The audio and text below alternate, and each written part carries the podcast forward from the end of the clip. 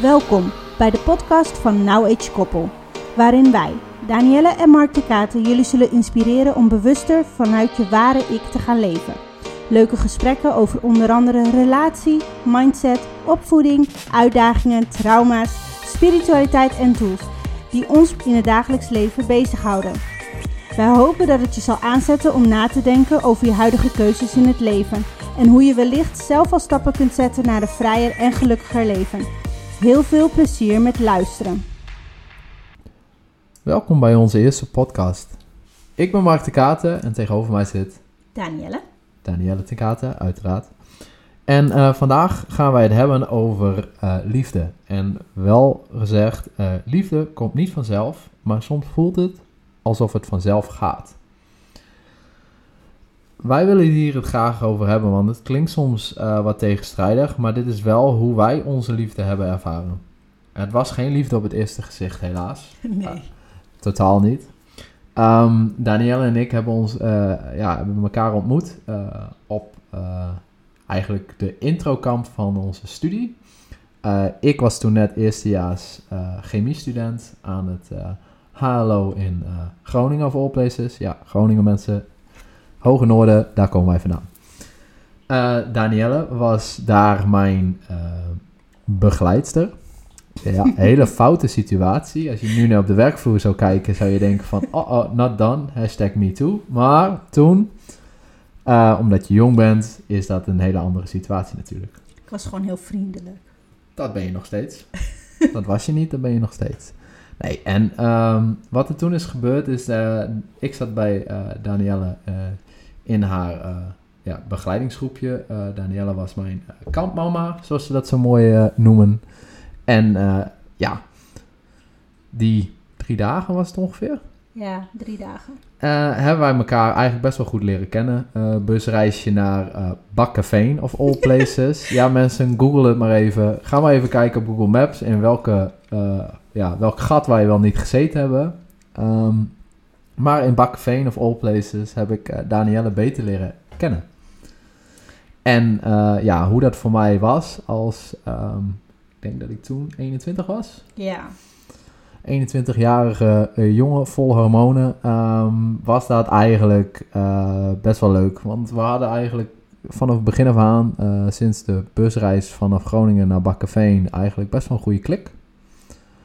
Zoals ik nu eigenlijk ook aan een stuk doorpraat, praten we toen ook over van alles en nog wat. Jij voornamelijk, ja. Zoals ik zeg, zoals ik nu ook doorpraat. En waar het toen eigenlijk op neerkwam was dat ik het idee had van wauw, met deze dame, deze meid, kan ik het heel gezellig hebben. Het was ook heel gezellig. En eigenlijk oh, was... Oh, godzijdank. Ja.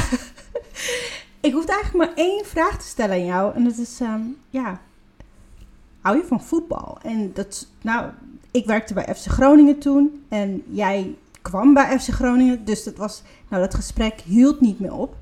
Nou doen we natuurlijk soort van dezelfde studie. Jij deed chemie en ik biochemie of nou ja, biomedisch.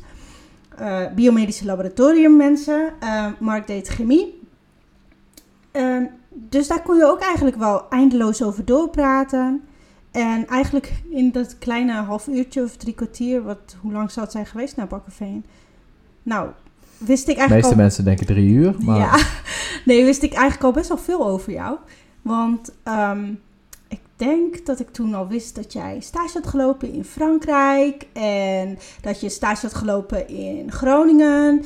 En dat je nou, van voetbal houdt, zelf voetbalt, uit een relatie kwam net. Nou ja, net drie maanden. En um, je was totaal niet toe aan een nieuwe relatie. En dat was super fijn, want ik dacht, oh fijn, ik kan gewoon met deze jongen praten.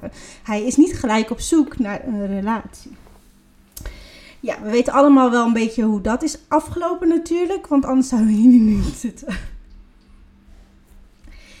Ja, en toen?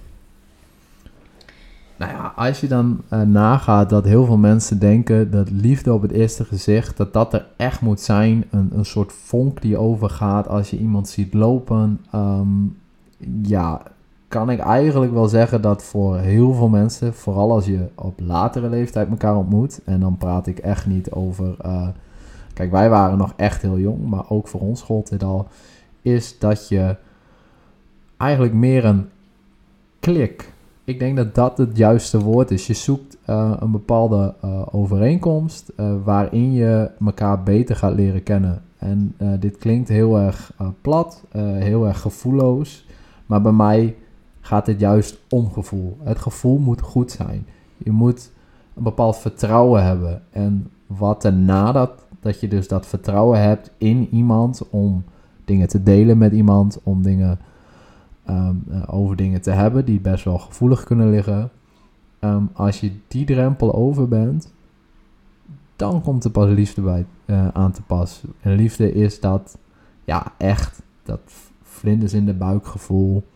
Dat je je, je heart skips beat. Weet. ja, klinkt heel cliché, maar dat, komt, dat is bij ons pas later gekomen.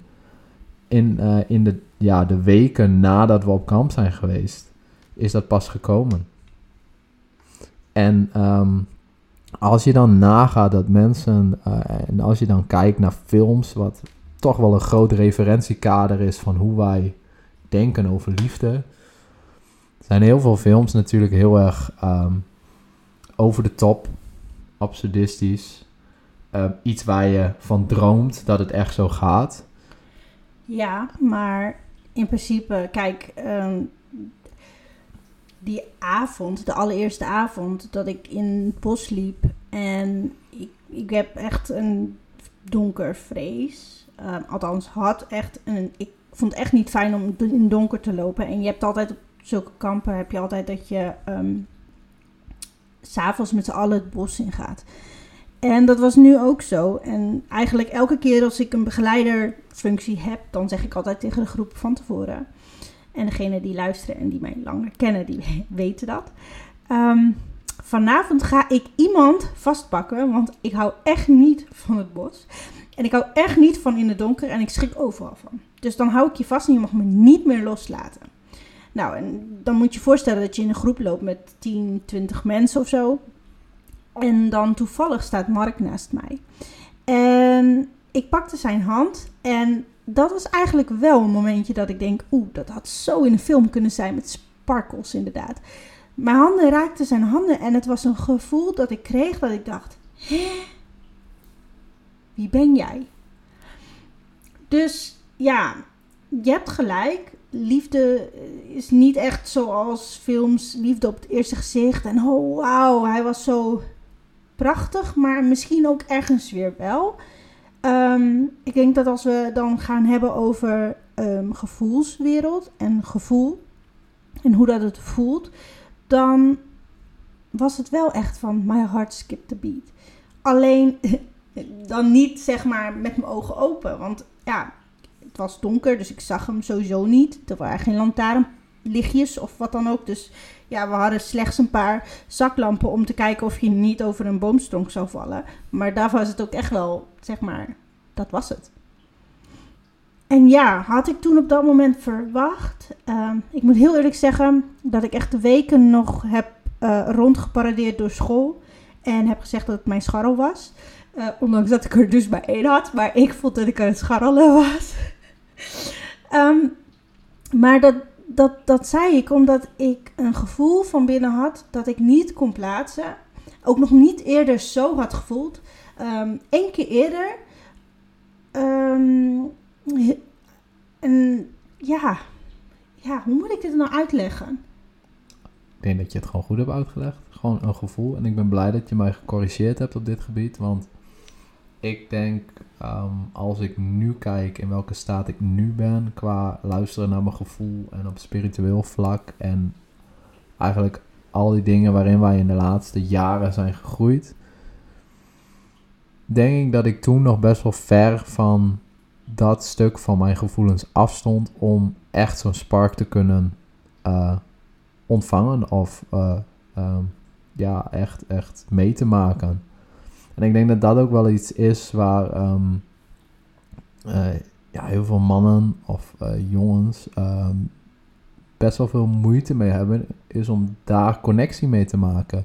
En daar echt goed naar te luisteren. Ik denk dat als wij praten over gevoel en intuïtie, heeft het altijd te maken met dat instinct van gevaar en gevaarherkenning, bescherming.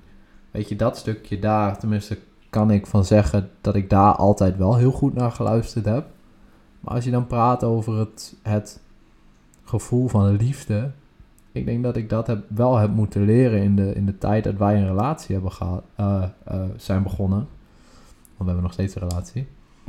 um, en ik denk dat daarom ik um, uh, daar op dat moment minder bij stilstond of gewoon niet kon ervaren op die manier. Nee, ik denk dat dat ook wel misschien een verschil is tussen sowieso denk ik wel vrouwen en mannen over het algemeen. Dat vrouwen veel sneller in die gevoelswereld kunnen en durven stappen ten opzichte van mannen. Er zijn natuurlijk uitzonderingen daar gelaten. Um, maar kijk, als we even kijken, Mark, naar liefde komt niet vanzelf. Kijk, we hebben nou even verteld hoe we verliefd zijn geworden eigenlijk. Hè? Hoe dat, het, dat we nou, naar elkaar toegetrokken werden. Mm -hmm. Maar uiteindelijk um, blijft het nooit daarbij. Op een gegeven moment vervaagt dat gevoel en dan moet je toch samen wel echt tot een punt komen dat je gaat groeien samen, inderdaad. Wat jij al zegt, samen groeien, samen um, jezelf ontwikkelen, verder ontwikkelen. Zodat eigenlijk dat gevoel continu blijft. Want we zijn nu al wat elf jaar ongeveer samen. En nou ja, ik kan voor mijzelf spreken dat dat gevoel um, wat wij nu dus net hebben omschreven, dat ik dat niet continu heb gevoeld. Ik weet niet hoe dat voor jou is geweest, maar ik denk dat dat ook helemaal niet erg is en dat dat heel normaal is dat je af en toe niet dat verliefde gevoel hebt. Alleen, um, ik denk niet dat het heel gezond is als je daar heel lang in blijft, zeg maar. Ik denk niet dat ik het aan kan als ik continu als ik bij jou ben, in die extase zit van pure verliefdheid. Ik denk dat ik helemaal gek zou worden. Maar dat, ik weet niet hoe ik dat voel. Kijk, um, ik deel die mening, anders waren we deze podcast ook niet begonnen. Dat um, wij natuurlijk, uh, elke relatie heeft zijn ups en downs. En dat je dan ook wat minder uh, die verliefdheid voelt. Zeker. En dat je daar dan, als je daar bewust van bent, dat je daar dan ook uh, wat aan wil doen. Het is niet dat je er wat aan moet doen, want als het moeten wordt, is de relatie al niet, weer, niet wat je wilt. Want dan dwing je jezelf om iets te doen wat niet vanzelf gaat. En dan kom je dus op wat wij uh, met ons laatste stukje van de zin. Maar soms voelt het alsof het vanzelf gaat. Het moet vanuit jezelf komen dat je iets wil doen en niet dat je iets moet doen. En um, als je dan over, over liefde praat en over die sparkle, dan, dan zijn het vaak die kleine dingen voor mij die ervoor zorgen dat ik dat gevoel dan weer heb. En wat zijn dan die kleine dingen? Is, is verbinding met jou. Vaak is het, uh, ik ben heel knuffelig. Hmm. Um, dat zijn de, de momenten dat ik dat het, het vaakst voel. Er zijn ook andere momenten, maar... Intimiteit. Ja, heel erg. Intimiteit staat voor mij echt op nummer 1. en dan je... bedoelen we niet gelijk seks, mensen. Even is voor ook de heel duidelijkheid. maar... maar... nee. Dit zijn gewoon de simpele uh, knuffels, kusjes, handen vastpakken. Even dansen. Ja, dansen is voor mij heel belangrijk. Um, en daarmee creëer je um, een, een soort samensmelting van uh, onze beide energieën, waarin dus die spark voor mij echt aangaat. Het is de verbinding met Daniela, energie, wat voor mij noodzakelijk is om die liefde te voelen. Ja, ik begrijp het wel. Ja. Ja, bij mij is dat dan. Um, ik vind het wel belangrijk om te knuffelen en, en zo. Um, maar als ik dan bij mezelf ga nadenken, wat echt wat mijn taal van de liefde is. Het was altijd cadeautjes, dat weet ik van vroeger wel. Dat ik echt, als ik dan dingen kreeg of um, ik werd in de spotlight gezet, dan voelde ik mij helemaal, um, ja, geliefd eigenlijk. Um, en dat kon ik echt tot in de diepste van mijzelf, kon ik dat uh, waarderen. Maar tegenwoordig is dat eigenlijk niet meer.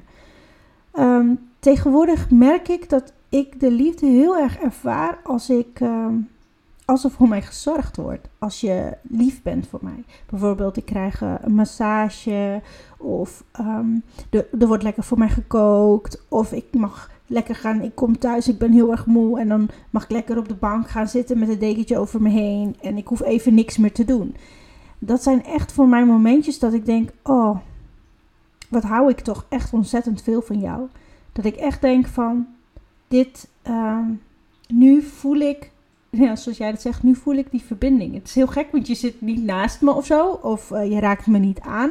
En toch voel ik die verbinding. Het is alsof je, nou eigenlijk een beetje zoals yin en yang, weet je wel. Je bent, jij doet even jouw ding, ik doe even mijn ding. En samen zijn we één ding aan het doen of zo. Ja. Kijk, en als je dan ehm, kijkt naar ehm, liefde komt niet vanzelf. Ehm, kijk, bij ons is uh, die liefde wel gegroeid in de, in de jaren, tenminste. Uh, zo zie ik dat zelf. Uh, die liefde is sterker geworden. Die band die wij hebben, die liefdesband, is echt ja, enorm sterk geworden. En daar zijn een aantal dingen echt key factor bij. Ja, één is wat we al zeiden. Het is de verbinding die we met elkaar hebben. Dus de intimiteit die wij delen. De kleine dingetjes die we samen doen. Uh, Communicatie. Maar ook alleen. En, en inderdaad, key is communiceren. Ik kan namelijk een heel mooi voorbeeld geven. En ik hoop dat Danielle niet in lachen uit, uh, uitbarst. Maar um, toen Danielle en ik... Um, uh, na een half jaar uh, samen gingen wonen op ons studentenkamertje, um, uh, hadden wij nog wel eens een, um, ja, men noemt dat een hevige discussie. Nu was dit niet echt een discussie, want de woordenwisseling was niet echt een wisseling. Er kwamen alleen woorden van één kant en die andere was puur aan het luisteren. Je mag best gewoon zeggen dat ik aan het schreeuwen was. Nou, Danielle zat toen in een, in een fase van haar leven waarin ze ehm, niet heel goed om kon gaan met boosheid en confrontatie. Klopt. Zeg ik dat goed? Ja, dat is nog zacht uitgedrukt. Nou, ik denk dat ik dat heel netjes uitdruk, want zo, dat zijn eigenlijk de dingen waar je toen heel erg mee struggelde. En waar ik heel, uh, op dat moment heel goed in was, was mijn mond houden stil blijven en luisteren. En wanneer de storm voorbij is, pas reageren. Dus wat er gebeurde was dat uh, er stond een uh, klein uh, Javaans dametje tegenover mij van 1,50 meter hoog. Die ongeveer brulde alsof ze een leeuw was uit Afrika. Dat was echt, um, ja, Mufasa was er niks bij. Ik ben een manifester, hè, dus dat heb je gevoeld. Precies, wist ik toen nog niet, maar dat heb ik inderdaad gevoeld. Er kwam echt een vuur vanaf.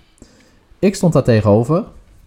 Mevrouw was na een minuut, ik denk niet dat het heel lang, maar het voelde heel lang, uh, was ze klaar met haar um, beklaag op dat moment. Ik weet niet eens meer waar het over ging hoor. Waarschijnlijk over niks. Niks belangrijks in ieder geval. En wat zeg ik? Ben je nu klaar? En op dat moment, uiteraard, begint de rage weer van de manifester en staat ze weer tegen mij te schreeuwen. Tot ze weer rustig wordt. En ik ga weer vragen op dat moment. Is het nu klaar? Dit heeft ongeveer een aantal keren geduurd. Ik durf geen uh, cijfers te noemen. Maar op een moment was ze uiteindelijk ook echt klaar. En toen zei ik tegen Danielle. Ik zeg oké, dan gaan we nu praten. Toen keek ze mij aan. En toen viel het kwartje. En toen hebben we best wel een goed gesprek gehad. Um, eigenlijk meer, eigenlijk zijn we op dat moment meer naar elkaar toegetrokken. Want we hebben toen eigenlijk gewoon een goed gesprek gehad. Het ging niet eens meer om waarom je boos was, maar gewoon om waar je op dat moment mee zat. Waarom je zo boos was. En toen kwam ik eigenlijk helemaal niet meer in het verhaal voor. En op dat moment, um, eigenlijk groeide er bij mij iets meer uh, liefde, dat we het dan maar liefde noemen, maar aantrekking tot Danielle. Omdat ik kon ervaren hoe boos zij was, haar emoties kon ervaren. En op het moment dat die voorbij waren en ze eigenlijk dat had losgelaten, kreeg ik de echte Danielle even te zien. En dat was een van de eerste muurtjes die ik heb doorbroken die avond. Ja, ja dat was eigenlijk wel een beetje een, ja, zo'n euforisch moment. Waarin, eh, waarin ik zelf gewoon ook wel tot het besef kwam van... Oké, schreeuw is dus niet de tool om te communiceren. En als ik schreeuw, en dat weet ik nu, omdat ik nu weet dat ik een manifester ben, maar toen nog niet. Ehm, als ik schreeuw, dan komt daar echt heel veel woede bij kijken. Het is niet eens meer gewoon ik ben geïrriteerd of gefrustreerd of boos. Het is echt letterlijk woede. Het komt echt uit mijn tenen. En het is zo beladen dat het maakt niet uit welke woorden ik eruit zo schreeuw. Als zou ik de hele tijd schreeuwen liefde, liefde, liefde of ik hou van jou. Dan eh, was het dezelfde trilling denk ik die je had gevoeld als dat ik hele boze dingen had gezegd. Mm, op dat moment kwam ik er eigenlijk wel achter dat eigenlijk heel krachtig is als je een partner hebt die jou ziet. En dat is echt het moment dat jij, een van de eerste momenten dat ik dacht, hij ziet mij. Het is net wat je zegt, ik kreeg een glimp van de echte Danielle. Ik wist vanaf dat moment ook wel echt van, oké, ik heb echt nog werk te doen. Ik bedoel, ik had al best wel veel uh, therapiesessies achter de rug en jaren van therapie eigenlijk. Maar dat was echt nog niet over. En um, wat ik heel erg mooi vond, als ik zo terugkijk naar de afgelopen elf jaar, is dat eigenlijk jij mijn hand vast hebt gehouden en nooit hebt losgelaten. Ja, hier en daar kon ik wel even zelf vieren om te kijken van, hey, kan ik het zelf aan? Maar in principe was je dan nog vrij dichtbij om me op te vangen als het niet goed ging.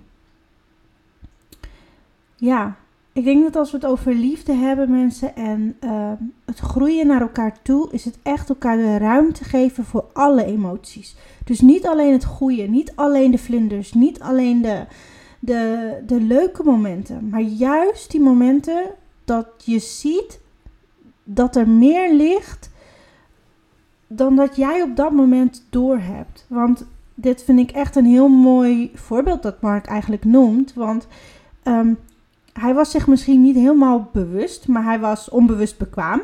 Want hij wist dat hij even moest wachten met zijn eigen emoties. Dus hij zet op dat moment zijn eigen emoties aan de kant, zodat ik, wat hij zegt, door mijn rage kon gaan. En dat is gewoon, ja, dat is gewoon heel, heel mooi, maar ook heel krachtig. En ik denk dat als we allemaal doen voor elkaar, ja, dan uh, wordt, het, wordt de wereld denk ik heel snel een stuk mooier. Ja, en op dat moment ehm, ging dat gewoon echt vanzelf. En ehm, dat geduld uh, wat ik op dat moment had. En, um, Nog steeds heb. Uh, ja, klopt. dat gaat vanzelf. En dan kan je wel zeggen, ja oké, maar dat is wie jij bent, Mark. Dat is uh, hoe jij in elkaar zit. Ja en nee. Bepaalde dingen gaan vanzelf als je dat wil. En op dat moment um, wilde ik helemaal geen uh, ruzie. Of uh, het voelde ook helemaal niet persoonlijk. En um, ik denk dat ik op dat moment heel weinig van mijn ego hoorde. Tuurlijk, die stemmetjes zijn er altijd. Maar die stemmetjes horen er ook te zijn. Dat is de balans die je ook hebt in je, in je hoofd. Uh, weet je, je hebt allemaal soorten personages in je hoofd. Waaronder ego vaak de stoere, schreeuwerige nou ja, in ons geval Mark en Danielle is. Um, maar iedereen heeft die. Maar er zitten ook hele lieve en tedere Mark en Danielles tussen. En zo hebben jullie die ook mensen. Um, zo zijn er vaak, als je al die personages kijkt, was iedereen waarschijnlijk in de hele wereld nou aan de medicijnen voor schizofrenie. Maar dat, dat is niet zo. Kijk, iedereen heeft die balans in zijn, in zijn um, in zijn hoofd dat als je naar de supermarkt gaat en je pakt die reep chocola, dan gaan er duizenden stemmetjes door je hoofd heen. Eén zegt, oh dit is zo lekker, hier heb ik echt zin in. De andere zegt, zou je dat nou wel doen? Het is net 1 januari geweest, je hebt net kerst gehad, je hebt je ergens volgestouwd met allemaal spullen. En dan ga je nu ook nog eens een keer een reep chocola eten. Daar word je alleen maar dik van. Nou, die heb je ook. Eigenlijk uh, de film Inside Out, Dat is het perfecte voorbeeld van ho- hoe stemmetjes in je hoofd zich voordoen. En ja, weet je, als jij op de juiste momenten naar de juiste stemmetjes luistert, dan kan je echte liefde ervaren. Ja, maar dit is, ehm, dit wat jij bedoelt nu is dus intense liefde vanuit jezelf ook nog. Dus we hebben het vandaag niet alleen maar over ons, onze liefde tussen ons twee, maar ook de liefde in jezelf. En dit is een heel mooi bruggetje die je maakt eigenlijk. Want ehm, als we het even gaan hebben over ehm, hè, hoe die communicatie, hoe wij zo zijn gegroeid naar elkaar en hoe die liefde dus verder is gaan groeien, is wel ook door elkaar aan te gaan leren en ook de ruimte te geven om liefde voor jezelf te gaan voelen en ervaren. Ehm, jij houdt heel erg van voetballen. En eh, nou ja, ik heb best wel vaak ehm, naar mijn hoofd geslingerd gekregen van andere mensen. Van, oh, nou dan, eh, nou, dan ben je mooi klaar mee. Die is dan elke dinsdag en donderdag aan het, eh, aan het trainen. En dan is hij de halve avond weg. En nou, en dan moet je zeker die zaterdag of die zondag, dan moet hij ook weer de hele dag op het voetbalveld staan. Nou, daar, daar ben je mooi klaar mee. En ehm, dan moet je nagaan dat we toen destijds nog niet eens een dochtertje hadden. En toen hadden we een dochtertje, was het nog erger. Maar ik heb dat eigenlijk nooit zo ervaren. Want ehm, dit was, voetbal is jouw ding in principe. En ja, op je, op je trainingsdagen ging ik natuurlijk niet mee. Maar alle wedstrijddagen, als ik kon, dan ging ik zeker wel mee. En je hebt mij heel vaak gevraagd van, Daan, is dit, eh, doe je dit voor mij? Want het hoeft niet hoor. Als je liever iets anders gaat doen, dat is prima. Ehm, en ook omdat je waarschijnlijk ziet dat bij jouw team eh, destijds er weinig vrouwen kwamen kijken, vriendinnen. Ehm, ja, en ik kwam wel elke keer mee. Eh, en dat ik ook tegen jou zei van, ik, ik ben geen blok aan je been. Ehm, ik vind het oprecht gewoon ook heel erg leuk om jou daar te zien. En nou ja, mijn geschreeuw aan de zijkant, mensen, even voor jullie, voor jullie beeldvorming. Dan staat daar zo'n meisje van inderdaad 1,57 meter, niet 1,50 meter. Maar ehm, die staat daar dan vervolgens te schreeuwen langs de zijkant. Omdat ze zo super in het spel zit en helemaal enthousiast. En het maakt niet uit wat ik uitkraam, maar ik ben er. Ehm, ik denk dat dit wel echt mooie voorbeelden zijn van ehm, hoe je elkaar ruimte geeft, maar ook gewoon ehm, ehm, diezelfde ruimte pakt om het ook samen te delen. Dat gaat vanzelf.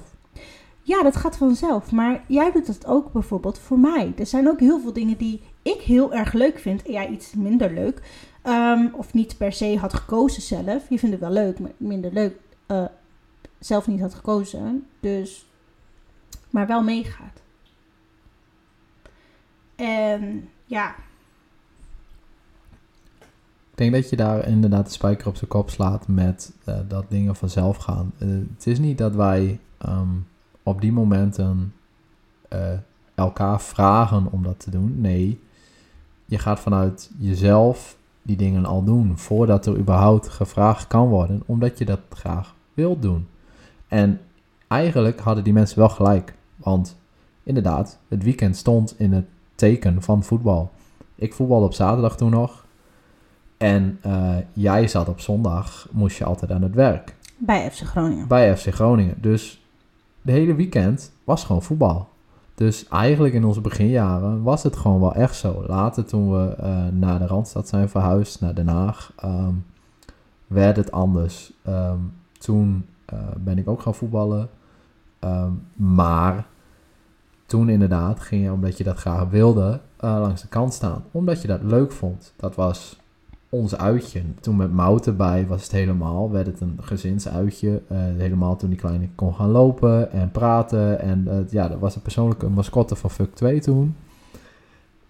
En ja, weet je, die dingen, dat, dat gaat echt allemaal vanzelf. En ehm, liefde is iets wat eh, niet zomaar komt, weet je. Dat is niet iets wat, weet je, daar moet je moeite voor doen. Maar als je ehm, echt het juiste gevoel hebt voor die andere partner, dan is er een overhand die dat altijd laat eh, vloeien die liefde. Weet je, er zit altijd een flow in. Ja. En die flow die gaat eh, eigenlijk op en neer. Weet je, het is een golfbeweging die, die ook je liefde, liefdesgevoel die je hebt. En dus er zullen pieken en er zullen dalen zijn. Maar dat is altijd in balans. Ja, klopt. Ja, maar het is ook zo dat wij niet van elkaar ook verwachten of verlangen dat de ander dat altijd maar wil. Er wordt 9 van 10 keer altijd gevraagd van, nou, wil je dat? Zou je dat leuk vinden? Zullen we dat samen doen of niet? Of vind je het goed als ik alleen ga? Ehm, zo weet ik wel bijvoorbeeld dat ik, eh, voor mij een van de eerste keren ging ik wel mee naar eh verjaardag van vrienden van jou. En op den duur ging ik niet meer mee. En het is niet omdat ik hun niet aardig vind, of dat ik ze niet leuk vind, of dat ik ehm, ehm, eh, niet op hun verjaardag wil komen. Maar ik merkte gewoon heel erg dat het gewoon jullie ding was. En dan weet ik gewoon mijn plek. Ook als jullie s'avonds dan na heel lang hangen bij ons op de bank, eh, gezellig met mij. ehm, dan daarna met z'n met vieren of met z'n drieën op stap gingen dan zei ik ook heel vaak van... eh, jongens, eh, ik zie jullie wel weer als jullie thuiskomen. Dan hoor ik jullie vanzelf wel weer. En dan bleef ik gewoon ook thuis. En dat is niet omdat ehm, ik niet van stappen hou of wat dan ook. Het is denk ik meer omdat ik op dat moment gewoon mijn plek pak. Denk ik. Gewoon ruimte maak voor jouw dingen. Ik hoef niet overal bij te zijn. En ik weet precies wanneer jij het fijn vindt als ik erbij ben. En wanneer jij het fijn vindt als ik meega, maar het hoeft niet per se. Het oké vindt. Ja, want het is niet dat jij op dat moment uitstraalt, oh daarom blijf jij maar thuis en daarom blijf ik thuis. Nee, je wil oprecht dat ik meega, alleen als ik niet meega is het ook prima. En dat soort momenten weten we eigenlijk best wel goed van elkaar ehm, ja, te filteren, zeg maar. Waar we de ruimte kunnen geven. Ja, Ik denk dat dat goed is. En eh, ja, zo ehm, ehm, ben jij ook eh, richting mij ehm, ja, best wel eh, eerlijk geweest in jouw eigen proces en waar je in zat. En als je dan duidelijk weet je, over communiceren praat of hebt, dan kan je ehm, dit ook als eh, goed communiceren meenemen. Is het moment dat jij toen op ons studentenkamertje zei van... Oh ja, ik denk dat ik eh, eh, me echt ga verdiepen in het spirituele. oh ja. En serieus zit daar een jongen van nou, 22, 23 tegenover je. Die, nou, ik denk zes dagen in de week meer als vijf, zes bier opdronk. Dus ik was in een totaal ander stadium als dat jij zat met je spirituele eh, journey die je toen begon. En ik zei aan, als nuchtere boer, nou, is goed, moet je doen. Als je maar niet verwacht van mij dat ik gelijk met je meedoe. Weet je, zo, dan kun je een beetje begrijpen in wat voor staat ik op dat moment zat. Maar ik heb dat nooit ehm afgeketst. Ik heb alleen op dat moment gezegd van, joh, dat is jouw journey. Ik ben daar nu nog niet aan toe. Dat was eigenlijk wel heel erg duidelijk. Maar wat het grappige is, en wat waarschijnlijk eh Danielle onbewust bekwaam al deed en wist, was dat als zij iets doet, ik altijd meekijk met een schuin oog. Want studentenkamers zijn gewoon niet groot. Heb je er veel privacy? Nee. dus alles wat je doet, zeg maar, eh, als je samen woont, dat krijgt de ander een, een deel van mee. En waaronder dus ook dit spirituele. En daar zijn, eh, denk ik, de zaadjes gelegd voor mijn spirituele journey. eh, en eigenlijk onze spirituele journey die wij samen eh, in deze afgelopen elf jaar hebben gedaan. Of hebben gemaakt. En wat je daar eigenlijk het beste van, of het beste het kan samenvatten, is eigenlijk door zo'n journey te doen, eh, of door dat bewust op den duur te gaan doen, creëer je eenheid. Ja. Ja. En, en eenheid, ehm, ik denk dat eenheid ook vloeit eh, vanuit jouw innerlijke, vanuit jouw diepste zijn. En als jij vanuit jouw diepste zijn gewoon heel erg blij bent met jezelf en wie je bent en wat je kan en wat je te bieden hebt. Ehm, mijn moeder zei altijd, je kan niet van een ander houden als je niet van jezelf houdt. En ik snapte dat eigenlijk letterlijk nooit. Ik dacht, nou, maakt het nou uit, ik kan toch van een ander houden, dat kies ik toch gewoon. En ik snapte dit eigenlijk pas tot een paar jaar terug, dat ik echt dacht, ze heeft gelijk. Je kan namelijk niet geven wat je zelf niet hebt. Dus als jij, ehm, en, en dit heb ik echt op een harde les, met, met best wel veel harde lessen mogen leren, dat uh, je altijd een stukje van jezelf, wat je tekort schiet bij jezelf, spiegelt bij de ander. En um, nou, we zien het nu tegenwoordig ook heel erg bij onze dochter. Uh, die, die houdt van spiegelen. Maar als jij uh, luisteraars zelf ook kinderen hebt, dan begrijp je precies wat wij bedoelen. Um, kinderen zijn echt gewoon magic mirrors. En um, het diepste van jouw eigen ziel, wat je zelf nog niet onder ogen durft te zien, of nog niet onder ogen kunt zien, omdat je er gewoon niet mee bezig bent, dat spiegelen zij gewoon voor je. En, wij maar denken dat dat, dat bij hun gedra gedrag hoort. Maar um, nou, wij zijn zelf tot die ontdekking gekomen dat uh, zeker 80% uh, niet van haar is. en 80% echt wel gespiegeld werd vanuit ons. Um, en ik denk dat het een cadeautje is. Ik denk dat het heel mooi is. En als jij nu op zo'n punt staat en denkt: oké, um, hoe kan ik dan in mijn eigen relatie creëren of zien of uh, werken aan dat wat, wat, wat Mark en ik nu hebben geschetst, um, aan liefde, dan is het echt om met een ander oog te proberen te kijken naar je partner en naar jezelf. Dus op het moment dat je een, in een ruzie verkeert of je hebt een argument en je voelt jezelf in alle staten gaan van emoties dat je denkt van oké, dit is echt niet fijn.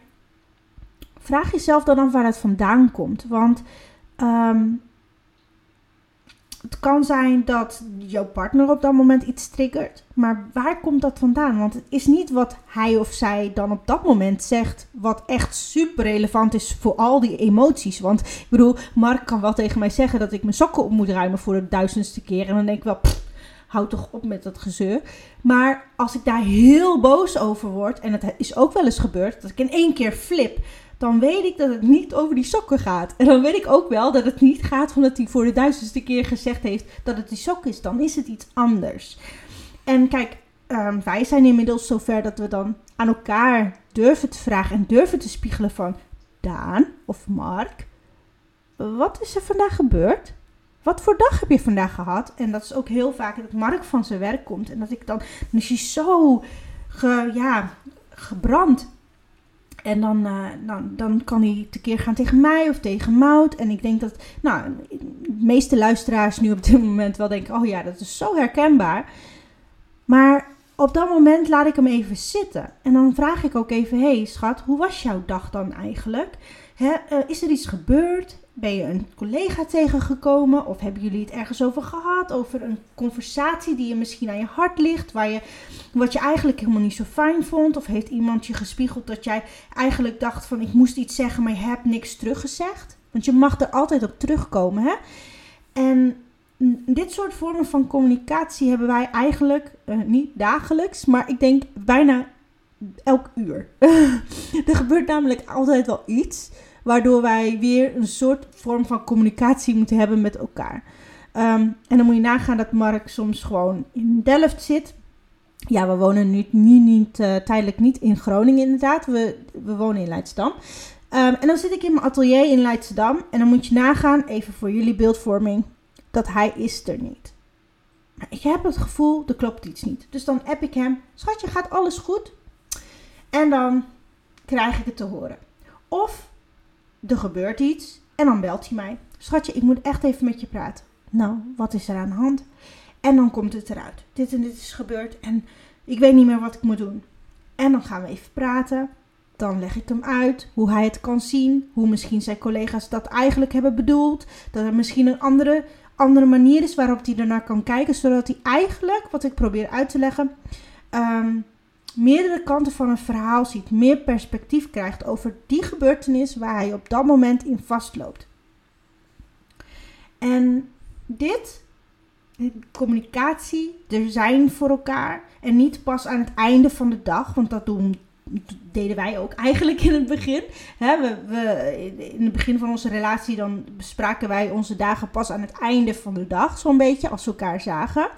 Uh, nou ja, in studententijd natuurlijk niet, zagen elkaar vaker, maar um, zeker in de beginjaren van onze carrière wel. En eigenlijk sinds mijn PTSS, dat ik thuis kwam te zitten, heb ik op een gegeven moment in jouw burn-out heb ik gezegd tegen jou, weet je wat schatje, als er iets is over de dag, bel me gewoon even. Het hoeft niet lang, het kan even kort, maar dan ben je het kwijt. Dan kun je verder. Want wat er eigenlijk gebeurt op zo'n moment is, ja, jouw partner heeft eigenlijk gewoon even zijn sparringspartner nodig. En hij, loopt, hij of zij loopt op dat moment vast en die wil eigenlijk verder. En omdat jij dan op dat moment jouw partner verder helpt, die twee minuutjes dat je even kunt bellen, even meer perspectief kunt geven, zodat hij of zij uit die situatie komt, kan deze persoon verder met zijn werk. En kan die zijn werk ook afmaken en niet hierin blijven doorhangen en hangen. En wat krijg je er dan voor terug? Dat is het allermooiste natuurlijk. Komt hij thuis en dan is, nou in dit geval Mark, heel erg relaxed, rustig en krijg je een dankjewel. En vervolgens heb je niet dat je eerst nog heel lang gesprek aan de keukentafel moet gaan voeren over wat er is gebeurd met heel veel frustraties met een kind waar je net hè, die van school is gekomen dat je eigenlijk denkt ik wil eigenlijk gewoon even gezinstijd hebben en niet meer aan mijn werk denken. Dat is dan voorbij. Krijgt de liefde voor terug. Ja, ja, precies, ja. En um, ja, weet je, dit soort momenten dat is bij ons ook gaan groeien. Dat is niet vanzelf gegaan. Um, Daan heeft gezegd, ik heb een burn-out gehad. Uh, Daan heeft PTSS gehad. Er zijn heel veel momenten geweest dat we gewoon op automatische piloot werkten. En dat we dit soort dingen um, eigenlijk gewoon er niet bij konden doen. Uh, dat werkte toen niet. Het was niet het juiste moment. Maar die momenten komen wel. En daarbij moet je geduld hebben. Um, en nu zeg ik moeten, Um, omdat, eh, weet je, Rome was ook niet eh, gebouwd in één dag. Dingen gaan gewoon langzaam. Het leven, weet je, we hebben tijd zat. Uh, verdorie, ik ben 32 jaar. Ik heb nog mijn hele leven voor me. Uh, ik hoop dat ik uh, 110 word met de huidige, nee, maar hoe we leven en we worden steeds ouder en dat soort dingen.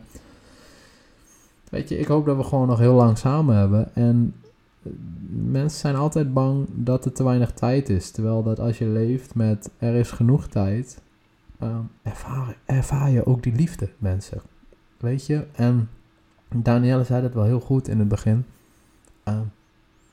Uh, de les die haar moeder haar me heeft meegegeven is dat je, als je geen liefde, geen zelfliefde kan geven, hoe wil je dan in hemelsnaam liefde geven aan je partner? Als je niet eens van jezelf houdt. Weet je, uh, het simpelste is, en het is super cliché, als je in de spiegel uh, kijkt en je hebt niks aan, je kijkt in de spiegel. Weet je, sta je dan elke ochtend, goedemorgen, super blij voor die spiegel, beetje dansen, weet je, word je vrolijk? Of sta je daar en denk je... Oh, onze kat die heeft daar ook wat over te zeggen, hoor ik. Die komt deze podcast even interferen. Hallo. en um, weet je, sta je daar dan en sta je te kijken en denken van, oh nee, weet je, mijn buik is dik, of dit is niet mooi, of dat is niet mooi. Weet je, die negatieve gedachten, als je zo al wakker wordt. Ja, dan begin je dag zo. Hoe, wil je je dag dan überhaupt verder, verder gaan doen als je in zulke lage vibraties zit? En ik heb dit echt moeten leren, mensen. Ik ben hiervoor in therapie geweest. Ik ook. Ik heb um, een um, uh, autonomie. Ja. Uh, groepstherapie gehad. En ik kan groepstherapie echt voor iedereen uh, aanraden. Want je, gaat je daar zeker in ieder geval 1% verder openstellen tot andere mensen. En ook al is het maar 1%, dat is wel een stapje extra. Je leert het wel door daar gewoon je verhaal te doen. Erachter te komen dat je met of gelijkgestemde zit, die met hetzelfde probleem zitten, of eigenlijk gewoon erachter komt van, wow, zo erg is het helemaal niet. Het valt oh, allemaal mee bij mij. Ja. Weet je, dat kan ook.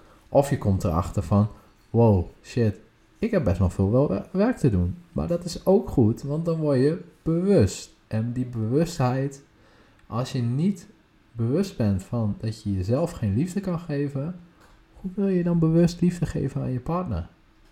Exact, en ik denk dat dat echt een hele mooie is om ook gewoon hier mee af te sluiten, is dat je bewust mag worden van liefde. We zeiden al in het begin, liefde komt niet vanzelf. Maar soms voelt het alsof het vanzelf gaat. Het komt niet vanzelf, want je moet het zelf uh, bij jezelf eigenlijk eerst leren kennen of erkennen eigenlijk. Die liefde, want we zijn allemaal geboren uit liefde. We zijn allemaal één bom van liefde. Als je dat kan voelen in jezelf en dat kan ervaren in jezelf en dat, um, dan reflecteert het naar buiten. En dan voelt het alsof de hele wereld liefdeomvattend is. En dan voelt het alsof dingen vanzelf gaan. Ja, eigenlijk, liefde is er altijd. Alleen als je niet bewust bent, weet je ook niet dat je het hebt. Weet je ook niet dat je het kan geven.